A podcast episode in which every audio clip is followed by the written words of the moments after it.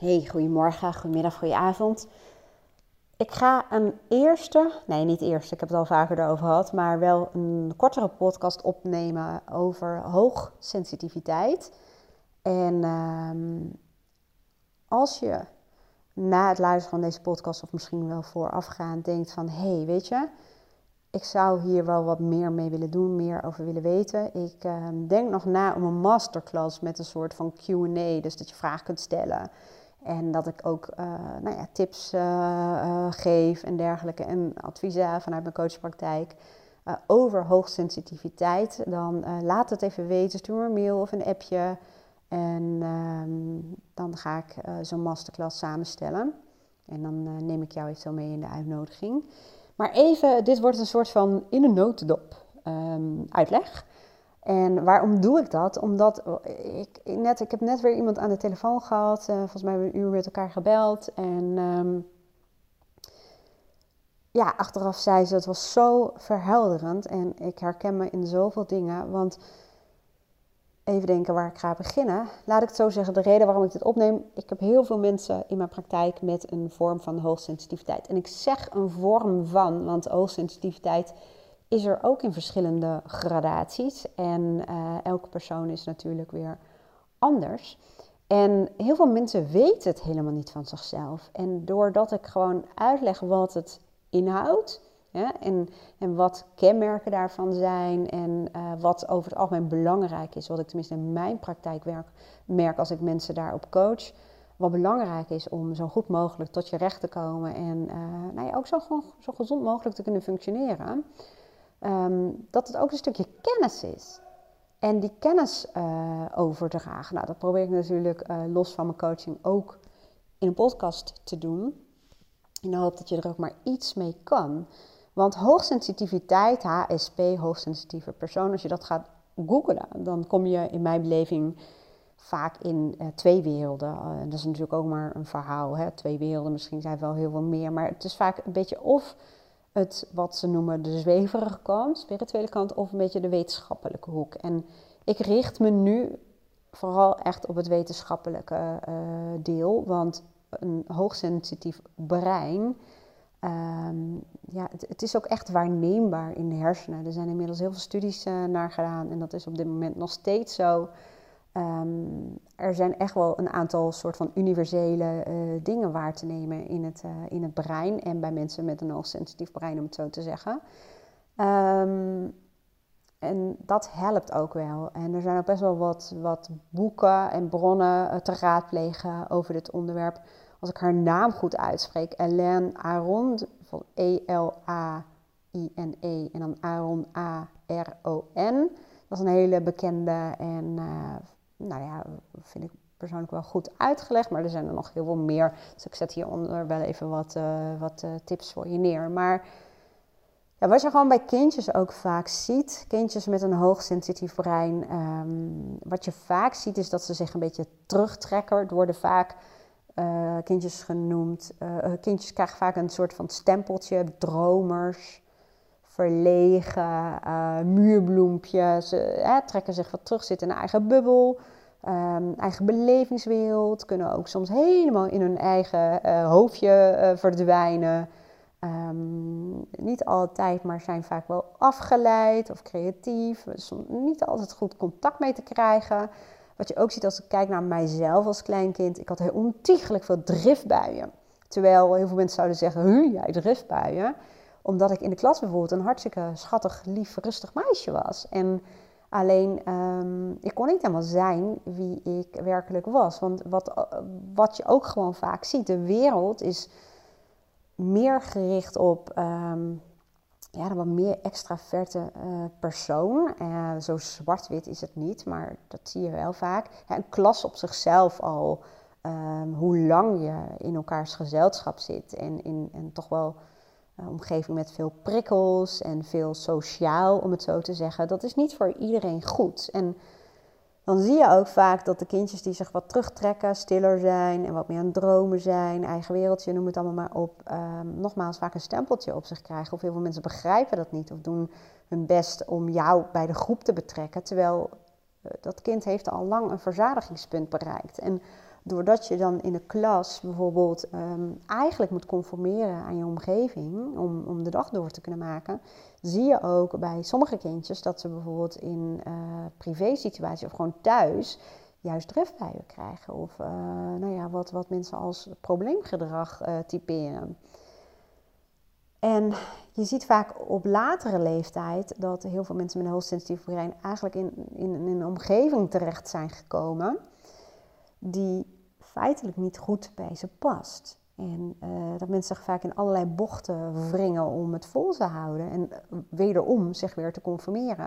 En het zijn ook vaak mensen die meer gericht zijn op de buitenwereld. En het, nou ja, eigenlijk het, het signaleren en registreren van prikkels, maar heel empathisch zijn vaak en heel sensitief voor bijvoorbeeld nuanceverschillen in groepsdynamiek of voor non-verbale communicatie. Of um, wat je ook vaak ziet, is dat mensen zeggen: Ja, uh, bij mij duurt het allemaal wat langer voordat ik iets snap of voordat iets landt, of ik heb meer verwerkingstijd nodig. En Um, dat lijkt ogenschijnlijk ook wel zo. Hè? Dat je bijvoorbeeld in een vergadering de meest briljante uh, reacties hebt, terwijl de vergadering al lang voorbij is, bij wijze van spreken, omdat het bij jou voor moet landen. Dat is niet per definitie, want dat dacht ik in het begin ook, dat je verwerkingstijd, um, of dat je langzamer verwerkt of meer verwerkingstijd nodig hebt. Maar het is ook heel vaak een teken dat je bijvoorbeeld een heel associatief brein hebt. Dat bijvoorbeeld een bepaald woord of een zinnetje allerlei associaties bij je oproept. En dat je in je eigen hoofd allerlei zijpaden in bent.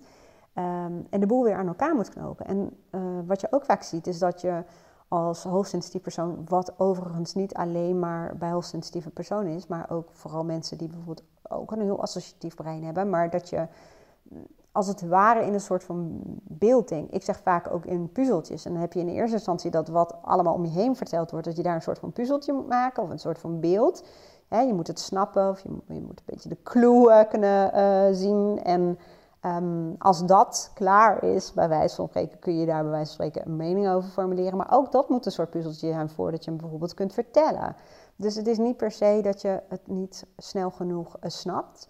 Sterker nog, als mensen dit op een gegeven moment als gave in gaan zetten, door bijvoorbeeld uh, dingen te gaan benoemen en vragen gaan stellen om helderheid voor zichzelf te gaan verkrijgen, merk je vaak juist dat dat van heel veel toegevoegde waarde in, een, in, in, in een, bijvoorbeeld een groep of een team of vergadering of whatever is, omdat het wel heel vaak zorgt voor helderheid, omdat het heel vaak blootlegt dat het lijkt alsof heel veel mensen met elkaar aan het communiceren zijn of aan het praten zijn, maar dat er heel veel woorden over en weer vliegen, maar feitelijk begrijpen mensen vaak elkaar helemaal niet. Of, of lijk je op dezelfde golflengte te zitten, maar is het niet zo. Omdat er heel veel containerbegrippen worden gebruikt. En vaak zie je bij hoogsensitieve mensen dat dat juist is waar ze verstrikt in raken. Van iedereen begrijpt het behalve ik. En dat zorgt vaak ook nog voor een sterke analyse op zichzelf. En een sterk besef van, hmm, dan zal het bij mij wel niet goed zijn. En dan zie je vaak dat dat vaak dat soort mensen ook nog meer gaan letten op wat ze zeggen. En dat ze vaak een soort norm hebben dat iets wel hout moet snijden voordat ze het zeggen. Dus je ziet vaak een soort van, um, bij wijze van spreken, terugtrekkende beweging. Of mensen die uh, doordacht worden genoemd of wat meer op de achtergrond zijn. Maar dat wil niet zeggen dat er niet van alles en nog wat in het hoofd gebeurt. Sterker nog, vaker is het wel zo dat ongelooflijk veel in het hoofd gebeurt. En A, door dat bij jezelf te weten van hoe werkt dat nou in mijn brein? Hoe werkt dat nou in mijn persoonlijkheid? En ook bijvoorbeeld als leidinggevende of als collega, hoe faciliteer je dat nou bij mensen die dat uh, vertonen? Hoe zorg je dat um, je hun daar bijvoorbeeld ook bij kunt betrekken? Nou, even terugkomend, want dit gaat natuurlijk meer op de omgeving en hoe ga je om met mensen met uh, bijvoorbeeld HSP. Ehm, ja, even nog wat meer over HSP. Want nogmaals, ik ga er gewoon vaker aandacht aan besteden. Want dit is zoiets wat zo vaak in mijn praktijk voorkomt. En waar we het zo vaak over hebben. En ja, en hoe verhelderend het kan zijn als ik uh, daar informatie over geef. En ja, dat mensen zichzelf snappen en erkennen zelfs. En heel vaak zeggen mensen, dus ik ben niet gek. Hè? Oh, werkt zo? Ik herken het allemaal. En ik ben ook niet alleen. En oké, zo werkt dat dus. Nee, dat herken ik wel. Nee, het klopt ook wel dat als ik een heel weekend allerlei afspraken heb, dan, uh, ja, dan word ik soms knettergek. Of um, ik ben druk in mijn hoofd of in een drukke omgeving, uh, dan, dan, dan heb ik de neiging om oh, even weg te gaan om mezelf op te kunnen laden. En je ziet ook veel mensen die zeggen, ja, in de natuur kom ik dan bijvoorbeeld ehm, tot rust. Het zijn gewoon heel veel dingen die niet Ehm, heel uniek zijn. En dat helpt vaak ook. Van, oh, er zijn meer personen zoals ik. Um, omdat we, dat is de open haard die je hoort, omdat je toch wel ziet wat ik net al zei van, in principe um, is hoogsensitiviteit eerder een uitzondering dan een regel. Je hoort wel steeds meer mensen die, uh, die dat hebben, om die dat hebben. Klinkt echt zo, pam, stempeltje, maar snap wat ik bedoel, waarbij het brein gewoon wat anders ingericht is, wat anders werkt.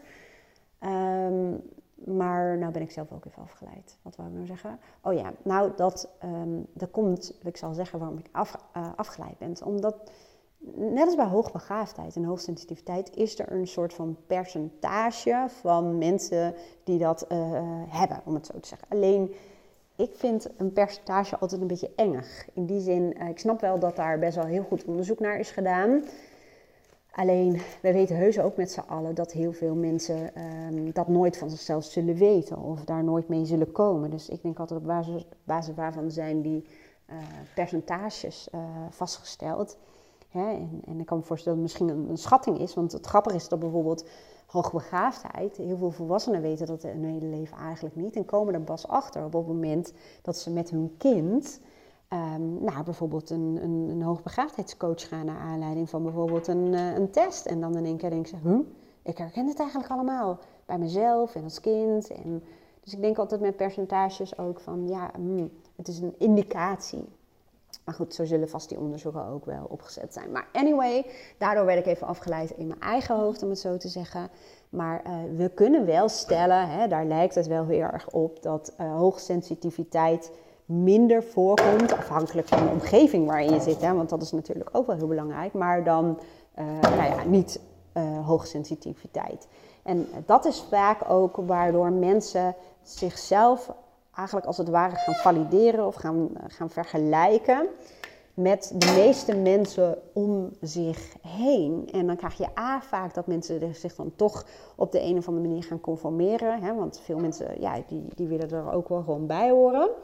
Uh, plus, heel veel mensen krijgen een soort vertekend beeld van zichzelf. Van het is zwak en, en ook als mensen dan hebben over je bent wel heel gevoelig of hè, te gevoelig. Of je moet er wat meer bij komen of je moet jezelf niet zo afzonderen. Of hè, uh, nou ja, dat soort uh, dingen. Um, het beeld wat je van jezelf hebt, dat is vaak vertekend. En niet vertekend in de goede kant, maar in de slechte kant, om het zo te zeggen.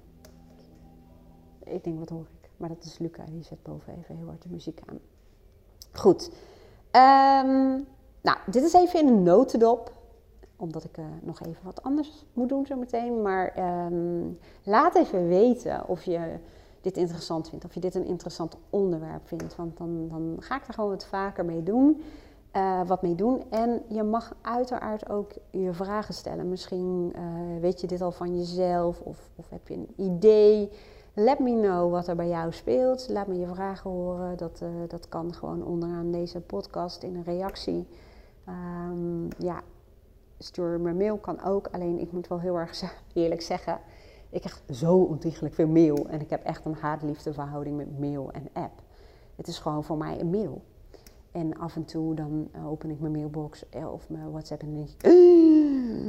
En dan verzuip ik bijna in mail. Dus um, ik ben altijd een beetje huiverig om te zeggen mail me of app me. Want um, ik, ik zeg heel eerlijk, uh, mijn reactie, um, reactiesnelheid is, is niet uh, super snel te noemen. En uh, dat hou ik ook zo, want ik wil ook niet te slaaf zijn van mijn telefoon. Maar nou ja, anyway, ik ben wel benieuwd naar welke vraag jij hebt. Dus nou, bij voorkeur laat het even achter in een reactie. Had je wat aan deze podcast, dan nou, laat even een beoordeling of een review of een reactie achter. En dankjewel voor het luisteren en tot een volgende keer. Doei doei!